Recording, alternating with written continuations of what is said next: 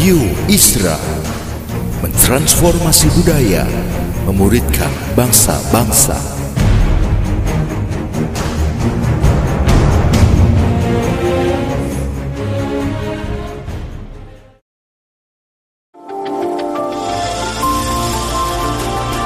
Voice of Predaim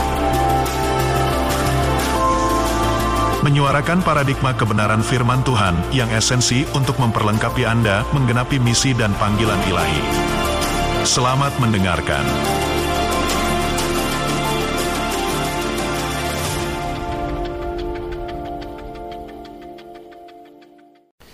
Saya ingin membagikan kepada saudara sebuah pelajaran yang saya beri judul Iman versus Pengalaman. Nah, mengapa saya memberi judul ini? Nah, sebelum saya ajak untuk kita belajar dari firman Tuhan, tentunya ada pertanyaan yang saya mau ajak untuk saudara merenungkan. Pertanyaannya adalah ini. Menurut saudara, kira-kira iman dulu baru pengalaman atau pengalaman dulu baru iman?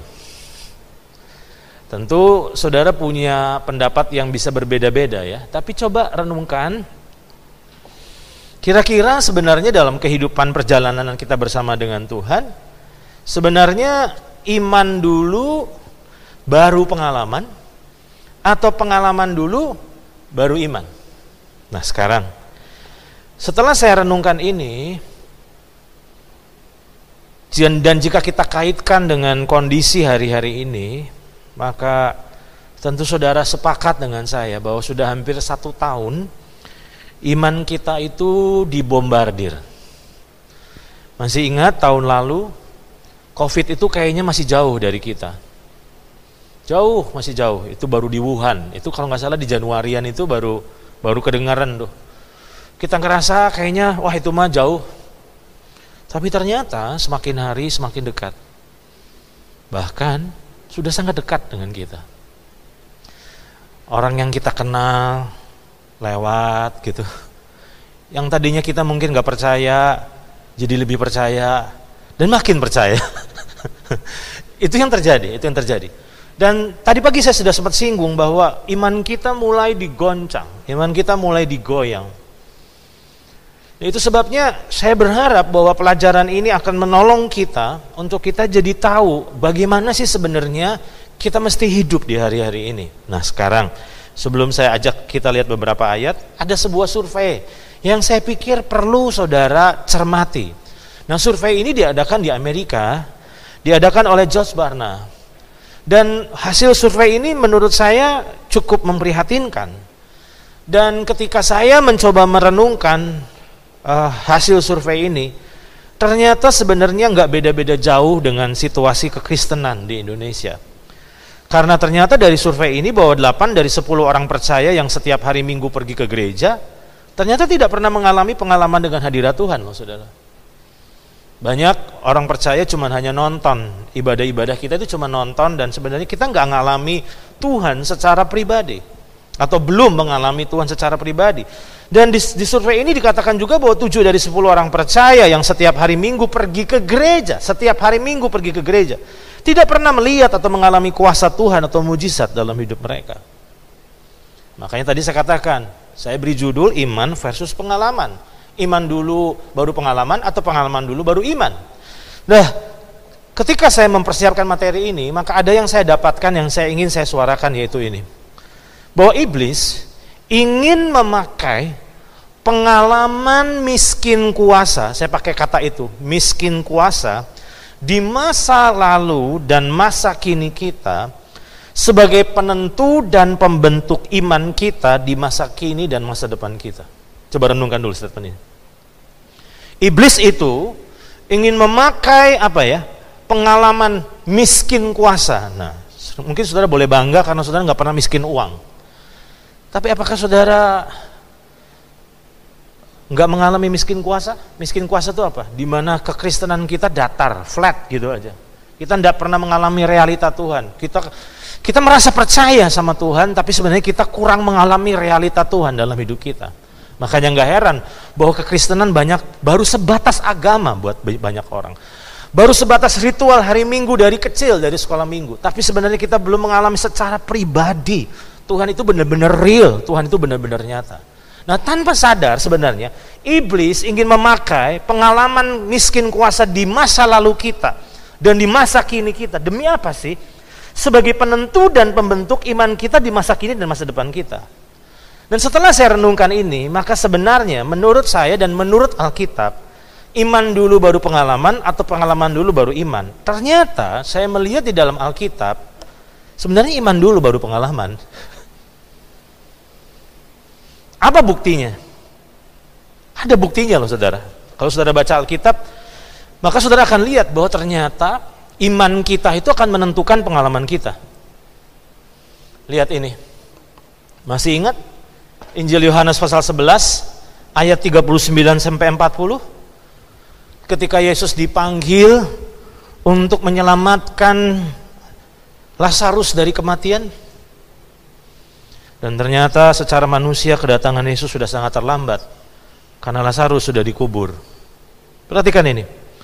Kata Yesus, angkatlah batu itu. Marta, saudara orang yang meninggal itu berkata kepadanya, Tuhan, ia sudah berbau, sebab sudah empat hari ia mati. Jadi saya mau tanya sama saudara, berarti kita bisa tahu nggak iman Marta di sini? Iman Marta di sini bahwa mustahil orang bisa hidup kembali karena sudah mati. Betul nggak saudara? Itulah iman Marta. Makanya waktu Yesus bilang, angkat batu itu. Marta langsung stop. Mas, Marta mencoba menghentikan karena dia bilang, gila, ini udah bau loh. Dibuka, itu berarti baunya akan mulai keluar. Itu sebabnya dia menghentikan langkah Yesus bilang, guru, nggak salah ini. Betul nggak saudara? Nggak salah. Nah, coba perhatikan Kalimat Yesus yang kita bisa pelajari di sini adalah jawab Yesus.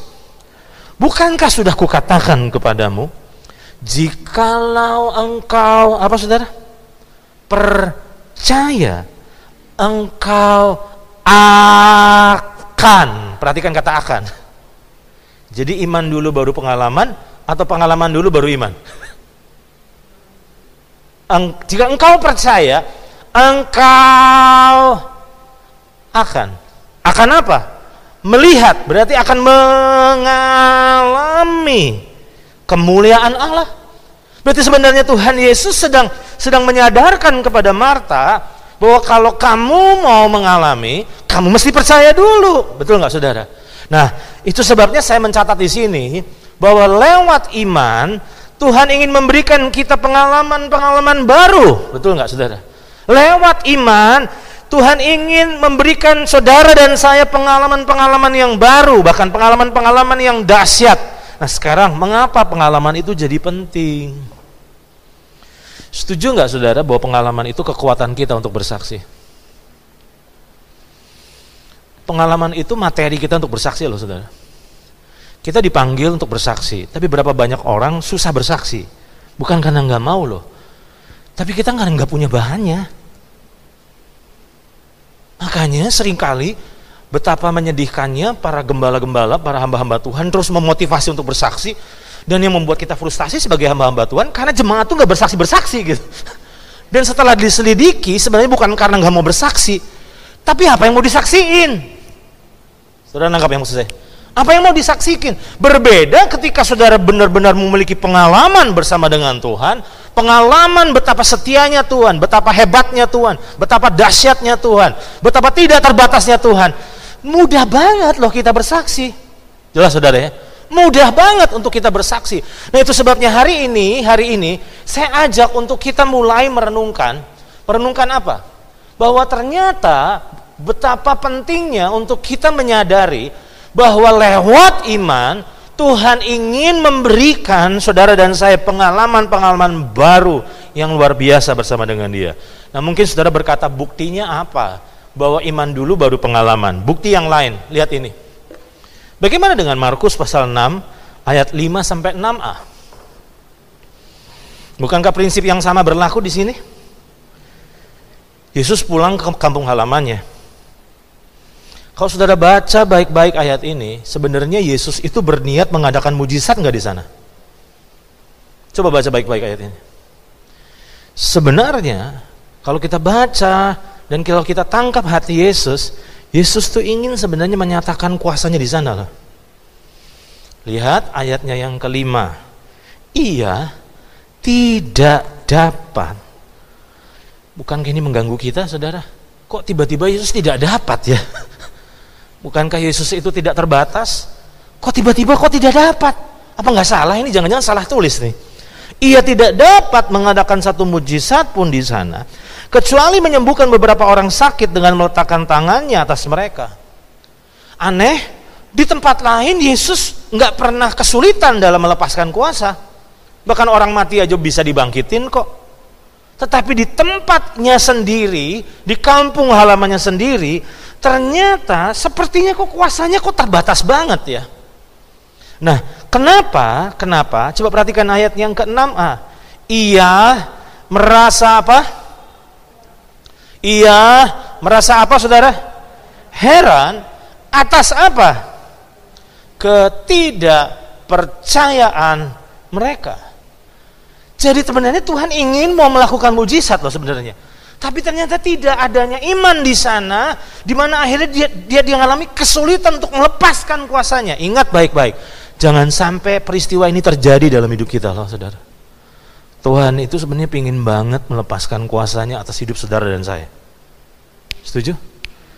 Cuma masalahnya sering kali bukan karena dia nggak sanggup, tapi dibutuhkan iman dari kita untuk kita mengalami realita kuasanya yang tidak terbatas. Nah hari ini, hari ini, yuk kita belajar bahwa ternyata jangan-jangan pengalaman miskin kuasa dalam hidup kita itu bukan karena kita bukan Kristen, tapi karena kita Kristen yang tidak percaya. Menurut saya ironis yang terbesar dalam kehidupan adalah kita ini dikenal sebagai orang percaya, tapi yang tidak percaya. Kita ini disebut orang percaya, tapi sebenarnya kita menjalani hari kita dengan tidak percaya loh sebetulnya, atau kurang percaya. Nah hari ini, coba kita perhatikan slide berikut ini bahwa jika kita ingin mengalami, maka harus percaya terlebih dahulu, karena saat kita tidak percaya, maka kita tidak akan mengalami. Saya ulang, jika kita ingin mengalami, mengalami apa? Jehovah Jireh, Jehovah Rafa, Oke, okay? Jehovah Shalom. Pokoknya semua realita Tuhan, kemampuan Tuhan maka jika kita ingin mengalami semua itu, maka kita harus percaya terlebih dahulu. Saat kita tidak percaya, maka kita tidak akan mengalaminya. Pertanyaan saya, mengapa saya pilih gambar ini? Apa yang membuat bangsa Israel tidak bisa mencapai tanah Kanaan? Tuhan udah berjanji, Tuhan udah bersumpah sebenarnya. Bahkan sebenarnya kepemilikan terhadap tanah Kanaan itu sudah diserahkan loh kepada kepada bangsa Israel. Tapi kenapa mereka nggak ngalami Kanaan? Berani bilang Tuhan gagal? Karena ketidakmampuan Tuhan, ketidaksanggupan Tuhan? Tidak. Tentu saudara setuju dengan saya bahwa kenapa mayoritas dari bangsa Israel tidak bisa mengalami kanaan dalam hidup mereka? Jawabannya adalah apa? Ketidakpercayaan. Sekarang, lihat ini. Iman kita ternyata akan menentukan pengalaman kita. Saya ulang, iman kita ternyata akan menentukan pengalaman-pengalaman kita. Makanya saya berharap bahwa pelajaran ini akan melengkapi saudara, akan menyadarkan saudara bahwa Tuhan ingin memberikan pengalaman-pengalaman dalam hidup kita. Tapi bagaimana dia bisa memberikan sebuah pengalaman kalau saudara tidak percaya sama dia gitu. Makanya mungkin saudara, saudara akan bingung dan saudara akan bilang gini, bukankah tujuan saya, kedatangan saya ke kebaktian ini karena saya percaya? Oh, belum tentu loh saudara. Saudara boleh rajin tiap minggu datang, tapi itu nggak menjamin saudara itu benar-benar percaya sama Tuhan. Banyak orang datang ke kebaktian karena supaya menentramkan hati nurani kok. Habis dari kecil diajar datang sekolah minggu.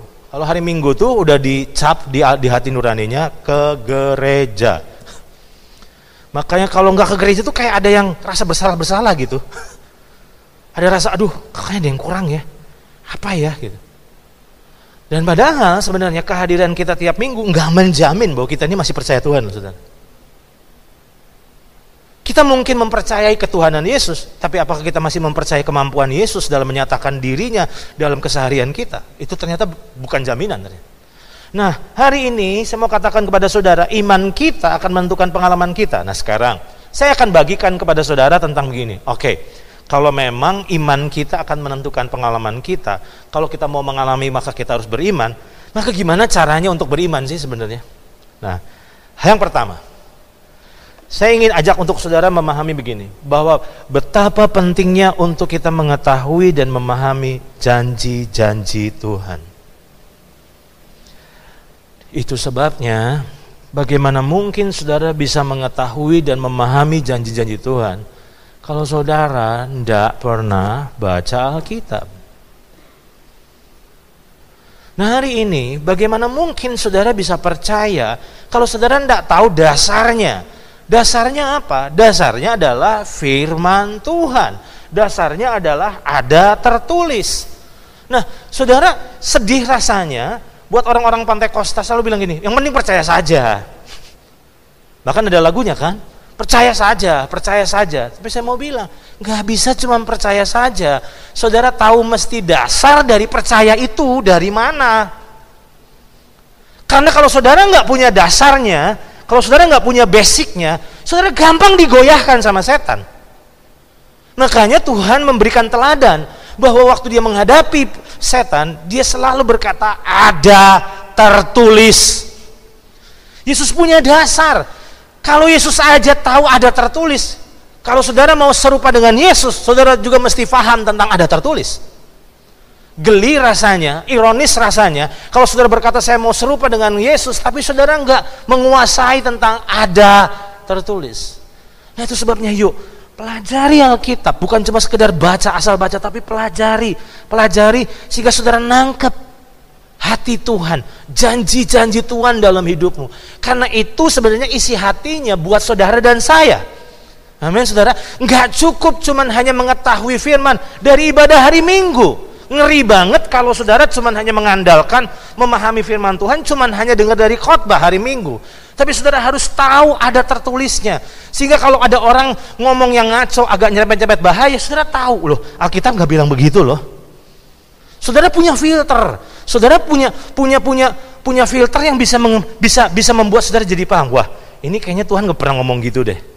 Nah, itu sebabnya hari ini saya mau katakan kepada saudara, ketahui dan pahami janji-janji Tuhan. Dari mana kita bisa tahu? Dari Alkitab. Yang kedua, bagaimana kita bisa tahu? Dari pergaulan dengan Roh Kudus. Di mana ketika saudara mengalami tekanan, di situ Roh Kudus akan mengingatkan apa yang Yesus pernah katakan. Bukankah firman Tuhan berkata janganlah kamu khawatir akan hidupmu, akan apa yang kamu makan, apa yang kamu minum, apa yang kamu pakai. Tiba-tiba kita diingetin tentang janji Tuhan itu. Di saat kita menghadapi kemustahilan, di saat kita menghadapi goncangan demi goncangan, apalagi pandemi ini menggoncangkan semua aspek hidup kita. Di titik itu kita tahu janji Tuhan bahwa ternyata Tuhan ingin berjanji bukan cuma hanya pelihara kita, tapi memberkati kita. Satu hari ketika saya sedang berdoa dengan anak-anak di Cirebon, tiba-tiba satu saya tanya sama anak-anak satu-satu itu, gimana pengalaman kamu hari-hari ini? Coba cerita dong supaya aku bisa tahu kamu lagi ngalami apa. Satu-satu cerita. Yang membuat saya tertarik adalah satu anak tuh ngomong begini, puji Tuhan kok. Ya kita dipelihara. Dengar kata itu, dengar kata itu, tiba-tiba saya keceplosan satu kalimat. Kayak binatang aja dipelihara. Saya sendiri kaget dengan omongan saya. Saya jadi mikir, bukan berarti saya sedang menghina orang itu, bukan. Sadarkah saudara bahwa Tuhan bukan cuma pengen pelihara kita, Dia ingin berkati kita. Saudara paham maksud saya? Anak ini bilang kata gini, ya kita cuma bertahan hidup. Lu, lu, lu, bertahan hidup. Tuhan itu bukan cuma hanya ingin kita bertahan hidup, tapi Tuhan ingin supaya kita bertumbuh hidup dan akan semakin hidup. Nah hari ini, hari ini, betapa pentingnya saudara mengerti hati Tuhan buat saudara. Karena Alkitab sebenarnya menolong kita untuk mengetahui apa sih yang dia rencanakan atas hidup kita. Apa sih yang dia janjiin dalam hidup kita. Sehingga kita bisa tahu kehendak Tuhan, di situlah menjadi dasar dari iman kita. Saya tidak peduli sama pengalaman saudara yang pahit di masa lalu. Saya tidak peduli sama pengalaman yang gelap di masa lalu. Tapi Tuhan berkata bahwa masa depan yang dia siapkan buat kita adalah masa depan yang penuh dengan harapan. Itu janji Tuhan, di mana sebenarnya Tuhan ingin mengubah masa depan kita. Tidak peduli masa lalu kita segelap apa, tapi dia bisa ubah semua itu. Tapi catatannya adalah gini, kerjakan bagianmu, yaitu dengan percaya beriman. Tapi kembali bagaimana bisa percaya kalau kita cuma gini, ya pokoknya percayalah. Saya mau bilang sama saudara, saudara harus paham dasarnya. Apa saudara paham tentang ada tertulis? Kalau dia goncang dengan ketakutan, setan goncang di pikiran kita dengan ketakutan, kira-kira jawaban saudara apa? Ya pokoknya adalah di Alkitab. cari sendiri, cari sendiri. Enggak bisa gitu. Saudara mesti belajar. Toh kalau saya nggak bilang mesti hafal, tapi yang penting saudara pernah baca. Karena Roh Kudus itu mengingatkan apa yang Yesus katakan. Nah pertanyaan saya, kalau kita tidak pernah baca, apa yang mau diingatkan?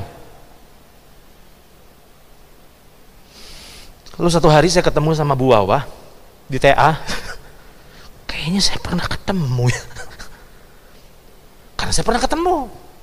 Tapi kalau belum pernah ketemu terus bilang, kayaknya kita pernah ketemu ya. Pernah di ada orang-orang kayak gitu, biasanya itu orang-orang jahat itu. kayaknya pernah lu nggak pernah ketemu di mana? Berapa waktu lalu ada yang DM saya di IG. Dia nanya kabar saya, langsung saya bilang, maaf pak, kita pernah ketemu di mana ya? Tolong saya lupa, karena saya saya, saya positive thinking tolong ingatkan saya, kayaknya kita pernah ketemu di mana ya? Dia jawab, saya juga lupa kita pernah ketemu di mana. Wah gila, saya bilangin orang.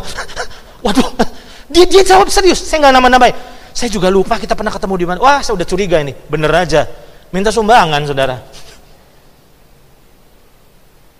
Saya juga lupa kita pernah ketemu di mana. Wah, ya kacau. Berarti kita nggak pernah kenal dong. Kita nggak pernah kenal. Ingat, Bagaimana supaya kita bisa bisa bisa punya pengalaman? Kita mesti memiliki i, iman. Dan dasar dari iman itu apa? Kita harus mengetahui, memahami janji-janji Tuhan. Dari apa? Dari Alkitab. Makanya yuk, kalau hari-hari ini mungkin saudara lagi malas baca Alkitab.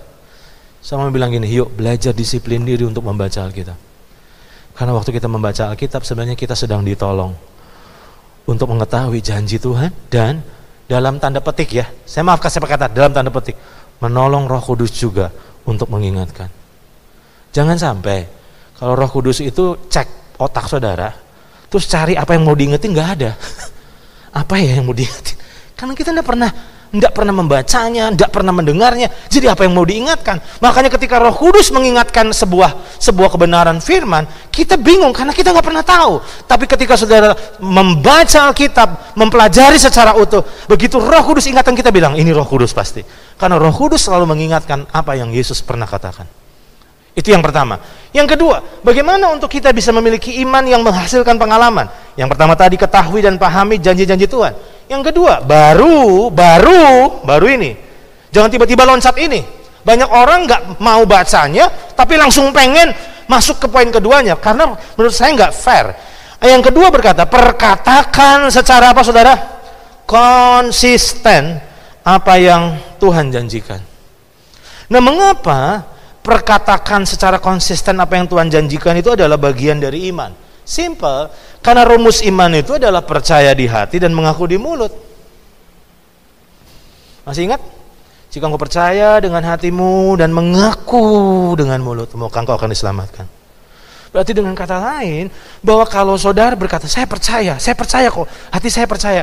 Tapi kalau mulut saudara nggak sama dengan hatimu, maka sebetulnya saudara nggak percaya. Problem dari banyak orang adalah gini, saya percaya di hati kok. Saya mau bilang sama saudara, iman itu bukan cuma percaya di hati, tapi mengaku di mulut. Dan yang tragis dari banyak orang percaya, yang di hati dan di mulut beda. Padahal sebenarnya iman adalah percaya di hati dan mengaku di mulut. Jadi kalau saudara mau mengalami dia adalah Jehovah Rafamu, dia adalah Jehovah Jiremu, Kau harus mempercayai. Makanya di, di, di kedatangan saya yang lalu, saya kalau nggak salah di kebaktian kedua, saya mengajar tentang dasar dari kita bersyukur. Artinya kita perlu mempercayai firman Tuhan, memperkatakannya, mensyukuri firman Tuhan bahwa aku bersyukur karena engkau berjanji bahwa engkau akan mencukupi kebutuhanku menurut kekayaan dan kemuliaanmu. Artinya ketika saudara mengetahuinya, jangan cuma diketahui, tapi mulai diperkatakan, diucapkan syukur. Nah, problem dari banyak, banyak orang percaya, kita nggak sungguh-sungguh menghidupi dua ayat ini. Lihat ini saudara. Ibrani 10 ayat 23 Jelas di sini berkata bahwa marilah kita teguh apa saudara? Berpegang. Berpegang sama apa sih? Pada pengakuan tentang pengharapan kita sebab ia yang menjanjikannya apa saudara? Permisi tanya, konteks setia yang dimaksud di sini apa sih saudara? Setia itu kalau janji pasti ditepati sebenarnya. Tapi catatannya adalah kalau kita mau benar-benar mengalami apa yang dia janjikan, maka kita harus mengerjakan bagian kita yaitu apa? Marilah kita teguh berpegang pada pengakuan tentang pengharapan kita. Banyak orang percaya kalau pas bagi doa omongannya manis banget sama Tuhan. Tuhan aku percaya, tidak ada yang mustahil. Tapi coba amin terus keluar dari kamar doa. Lihat kenyataan bilang memang berat. Memang mustahil.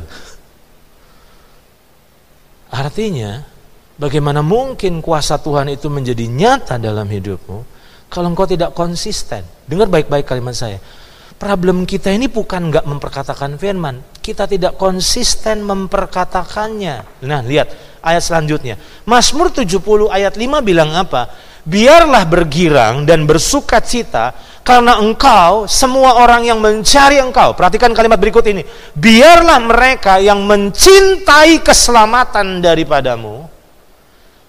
Apa saudara? Berkata.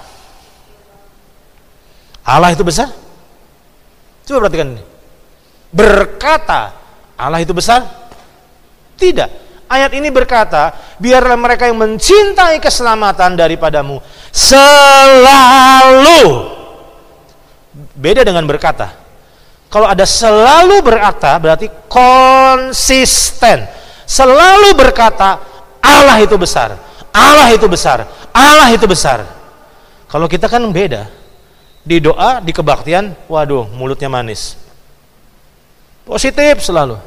Tapi begitu keluar, kita ralat semuanya dengan mulut kita yang sama.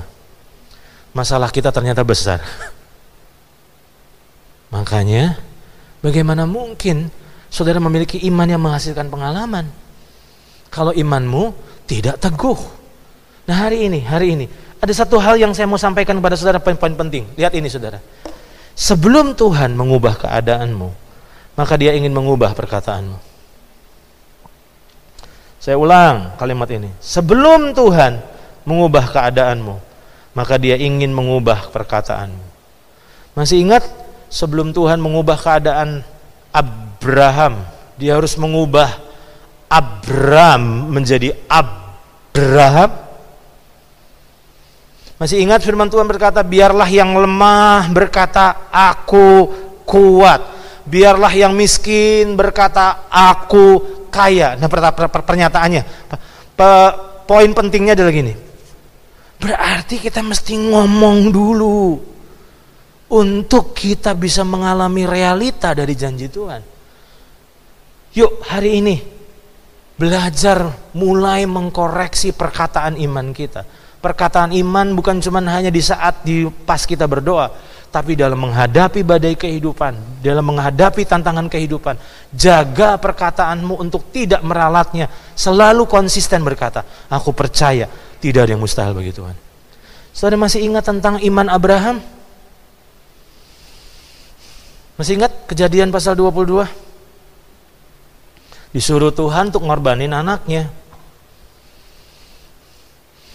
Perkataan imannya luar biasa nih.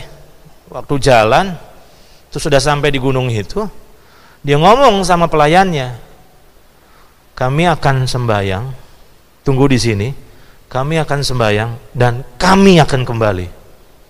Itu menurut saya itu kata-katanya nggak benar tuh harusnya. Harusnya ngomongnya gini, kami akan sembahyang dan aku akan kembali. Karena sebenarnya Ishak akan dikorbankan di atas. Tapi iman Abraham itu mempercayai, makanya dia, makanya dia ngalami. Dia jalan, dia naik ke atas. Ingat, itu Ishak itu bukan anak batita, bukan anak balita. Minimal itu teens youth. Jadi logikanya jalan. Dia ngomong sama papanya, "Pak, kayunya udah ada. Apinya udah ada. Lupa ditulis, pisaunya juga udah ada." Tapi dia curiga, kambingnya di mana? Anak ini nalarnya jalan loh saudara. Dan percayalah di atas di atas gunung itu nggak ada yang namanya pasar hewan, nggak ada itu. Tapi Abraham bilang begini, Tuhan yang akan menyediakan. Abraham mengalami semua yang dia katakan. Haleluya. Saudara apa maksud saya? Kenapa kita belum mengalami? Karena kita tidak berani memperkatakannya. Satu kali saya ditegur roh kudus. Roh kudus berkata kepada saya gini, Kenapa kamu tidak memperkatakannya secara konsisten? Sebetulnya kamu bimbang kan? Sebetulnya kamu bimbang. Kalau kamu benar-benar percaya, kamu akan konsisten terus mensyukuri bahwa aku percaya bahwa tidak ada yang mustahil bagi Tuhan. Tidak ada yang mustahil bagi orang percaya. Tidak dirubah. Iblis gak peduli apa yang kau katakan dalam doa. Karena yang dia pedulikan adalah apa yang kau katakan setelah berdoa. Justru yang fatal adalah bukan apa yang kita katakan saat berdoa, tapi apa yang kita katakan setelah berdoa. Sudah nangkap minum selesai? Problem dari kita adalah bukan apa yang kita katakan saat berdoa, tapi problem dari kita adalah apa yang kita katakan setelah berdoa. Makanya iblis nggak peduli saudara berdoa ber, ber, ber, berlama-lamaan, tapi selalu dia tunggu di pintu keluarnya. Dia selalu menunggu kita di pintu keluar dengan apa? Dengan bawa kenyataan-kenyataan yang diperhadapkan pada kita. Apakah kita masih tetap mempercayai Tuhan dan tidak merubah perkataan kita di hadapan Tuhan? Sekarang, coba lihat ini saudara. Apa yang membuat bangsa Israel tidak mengalami pengalaman, yaitu pengalaman Kanaan, sedangkan apa yang membuat Yosua dan Kaleb mengalami pengalaman Kanaan? Masih ingat itu? Apa yang membuat bangsa Israel nggak mengalami, sementara Yosua dan Kaleb mengalami? Apa sih yang membedainya? Bedanya ini, coba lihat ini. Bilangan pasal 14 ayat yang pertama sampai dengan ayat yang kedua, perhatikan ayat ini. Bilangan pasal 14 ayat yang pertama sampai dua bilang begini. Lalu garis bawahi kata segenap umat itu segenap umat itu mengeluarkan suara nyaring dan bangsa itu menangis pada malam itu. Bersungut-sungutlah semua orang. Israel kepada Musa dan Harun. Dan dengan segenap umat itu berkata kepada mereka. Ini semua yang ngomong loh mayoritas ngomong. Saudara tahu yang mengalami kanaan? Cuma berapa orang? Mayoritas nggak ngalami. Perhatikan ini. Dan segenap umat itu berkata kepada mereka, Ah, sekiranya kami mati di tanah Mesir atau di padang gurun ini. Ah, sekiranya kami mati di tanah Mesir atau di padang gurun ini. Apa yang kau katakan itu adalah ekspresi dari imanmu. Mau tahu iman seseorang? Dengerin perkataannya. Lihat ini. Masih ingat ayat ini? Bilangan 14 ayat yang ke-28 sampai 30. Kenapa perkataan mereka itu mengunci mereka? Perhatikan ini. Katakanlah kepada mereka, demi aku yang hidup, demikianlah firman Tuhan bahwasanya seperti yang kamu katakan di hadapanku demikianlah demikianlah akan Ini bisa kabar baik, ini bisa jadi kabar buruk. Tuhan itu ngelakuin apa yang kau katakan. Karena apa yang kau katakan adalah ekspresi dari iman. Saudara paham maksud saya? Yang kamu katakan buruk, yang kejadiannya buruk. Itu bukan berarti Tuhan itu buruk. Saudara paham maksud saya? Ini hukum. Bahwasanya kamu ini tidak akan masuk ke negeri yang dengan mengangkat sumpah. Tuhan itu, nah saya mau tanya, kapan terakhir saudara bersumpah? Itu berarti saudara lagi jengkel karena nggak dipercaya. Saya ulang. Kapan sampai saudara sumpah? Itu kalau udah nggak dipercaya orang udah jengkel terus bilang saya bersumpah itu berarti apanya? Itu berarti karena saudara tahu orang itu lagi nggak mempercaya saudara. Jadi kalau sampai Tuhan itu bersumpah dikatakan yang dengan mengangkat sumpah telah kujanjikan akan kuberikan kamu diam bahwa sebenarnya Tuhan itu serius. Tapi kembali lagi, kita selalu curiga, ini kayaknya Tuhan gak sanggup. Ini kayaknya Tuhan tuh gak mau. Mau masalahnya gini, engkau gak memahami bahwa Tuhan berkata, jadilah seperti apa yang kau percayai. Nah apa yang kau percaya itu diekspresikan lewat perkataanmu. Makanya ayat ini bilang bahwasanya kamu ini tidak akan masuk ke negeri yang dengan mengangkat sumpah telah kujanjikan akan kuberikan kamu diami kecuali Kaleb bin Yafini dan Yosua bin Nun. Mungkin saudara bilang gini, gila ya. Tuhan itu kok membeda-bedain orang ya. Curiga? Kok kayaknya kok Yosua sama Kaleb kok dianak maskan ya? Saudara pernah curiga juga Tuhan tuh nganak maskan orang-orang?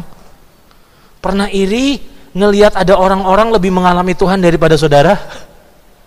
Sampai saudara curiga, oh kayaknya itu mah anak emasnya Tuhan, saya saya anak tirinya Tuhan. Pernah menyadari bahwa sepertinya Tuhan tuh kok mengistimewakan Yosua dan Kaleb ya, tapi tolong jangan susun dulu sama Tuhan. Jangan berburuk sangka dulu sama Tuhan. Kenapa sepertinya Yosua dan Kaleb diistimewakan? Bukan diistimewakan. Lihat ini, Saudara. Bilangan 14 ayat 6 sampai ayat 8. Ini yang membuat mereka masuk sementara yang lain gak masuk. Tetapi Yosua bin Nun dan Kaleb bin Yefune yang termasuk orang-orang yang telah mengintai negeri itu mengoyakkan pakaiannya dan berkata, wow. Setuju sekarang baru nyadar kalau sampai Amsal bilang hidup dan mati dikuasai lidah? Baru ngerti sekarang kalau sampai Tuhan berkata hidup dan mati dikuasai lidah. Siapa suka menggemakannya akan memakan buahnya. Pernah belajar ilmu eho? Tuh saya kecil seneng banget kalau ada di ruangan besar. Yang gaungnya gitu, gemak. Saya akan bilang halo. Terus nanti apa? Halo, halo, halo, halo gitu kan itu. Berarti apa yang saya katakan itu yang balik kembali. Di alam roh terjadi hukum gema. Di mana apa yang kau katakan itu yang mengema dan kembali. Makanya saudara akan pernah mengalami bukan? Di dalam ruangan bergema itu saudara bilang Assalamualaikum. Langsung gemanya Waalaikumsalam. itu pasti ada roh lain di situ. Pasti kalau saudara berkata Assalamualaikum gitu. Pasti gemanya akan berkata Assalamualaikum lagi. Karena memang hukum gema adalah apa yang kau katakan, itulah yang akan kembali. Jadi bukan karena Tuhan pilih kasih. Coba perhatikan ini. Dan berkata kepada segenap umat Israel, negeri yang apa saudara? Negeri yang kami lalui untuk diintai itu adalah luar biasa baiknya. Jika Tuhan berkenan pada kita, maka ia akan membawa kita masuk ke negeri itu dan akan memberikannya kepada kita satu negeri yang berlimpah-limpah susu dan madunya. Kembali saudara, bahwa ternyata ingat iman kita akan menentukan pengalaman kita. Jadi kalau saudara berkata, aduh kok pengalaman saya kok kayaknya buruk terus. Coba cek perkataan saudara deh. Ada apa dengan perkataan? Perkataan itu ekspresi dari iman. Yesus bilang begini, pernah dengar nggak? ada banyak orang berkata begini, hati orang nggak ada yang tahu. Salah. Karena Tuhan Yesus berkata, apa yang ada di hati orang akan keluar di mulutnya. Jadi bagaimana tahu bisa apa yang ada di hati orang? Lihat dari dari perkataannya. Karena apa yang ada di hatinya cepat atau lambat akan diperkatakannya. Jadi apa yang dipercayai di hati kita pasti akan muncul di mulut kita. Apa yang sesungguhnya kita percaya di hati kita, itulah yang akan kita katakan. Nah sekarang, saya berdoa supaya saudara mulai mengalami realita Tuhan dalam keseharian saudara. Amin. David Oyedepo, seorang hamba Tuhan dari Afrika berkata begini, kekristenan tanpa kuasa adalah sebuah agama yang frustasi.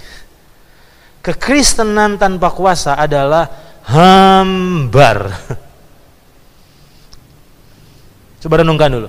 Kekristenan tanpa kuasa adalah sebuah agama yang frustasi. Kekristenan tanpa kuasa adalah hambar. Coba lihat ini saudara. Saudara pernah menyadari bahwa kehidupan yang supranatural seharusnya menjadi sangat natural bagi orang percaya? Yang tragis, kita terlalu terbiasa yang natural sampai asing yang sama supranatural. Saya jadi ingat statement daripada Smith Wigglesworth. Dia bilang begini, apa yang menjadi rahasia orang ini bisa bergerak dalam kuasa dengan luar biasa? Tuhan mengatakannya, saya mempercayainya dan mujizat pun terjadi. Saya meyakini gereja sedang dipersiapkan oleh Tuhan untuk jadi jawaban. Termasuk lewat kehidupan kita ada banyak orang yang disembuhkan lewat COVID. Selama ini gereja cuma menonton, tapi seharusnya gereja sebagai agen kuasa Tuhan, bukan cuma nonton, tapi akan jadi kabar baik buat dunia.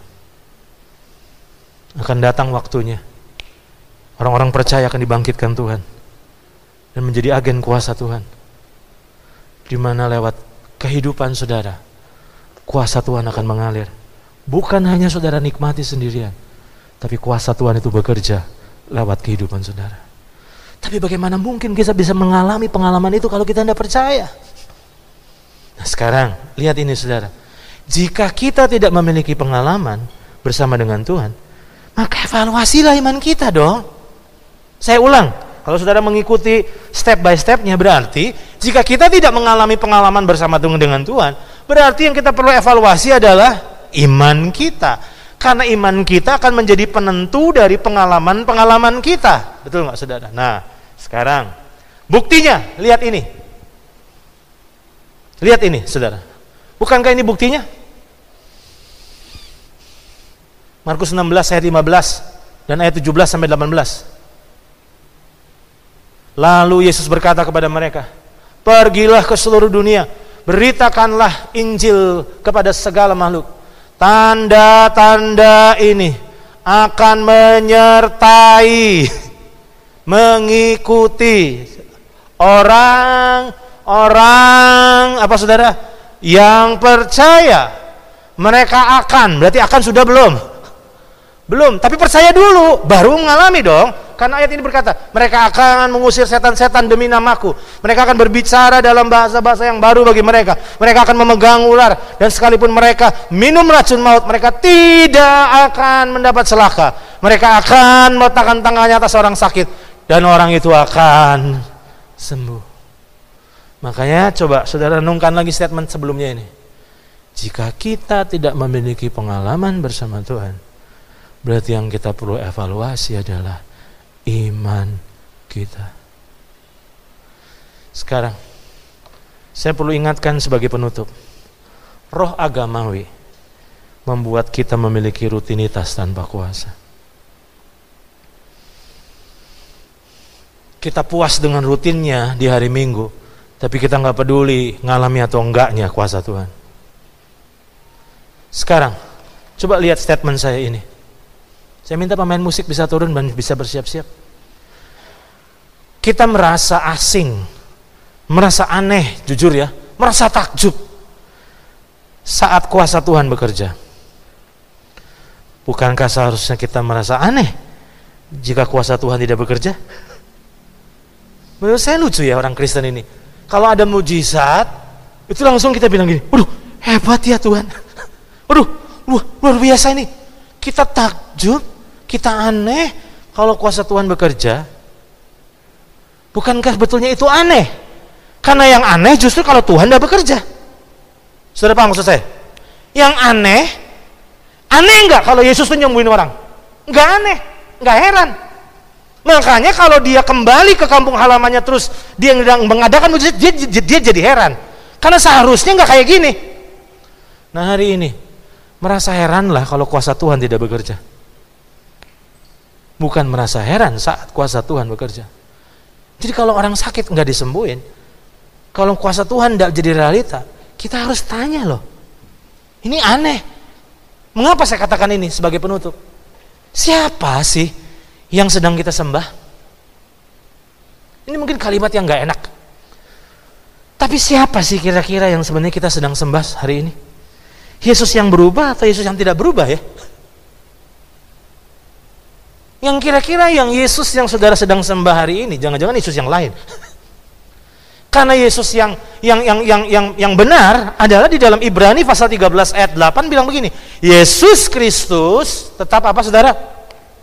sama baik kemarin maupun hari ini dan sampai selama-lamanya dalam the Passion Translation digunakan kata is always the same. Wow. Saya tertarik dengan kata is always the same. Selalu sama.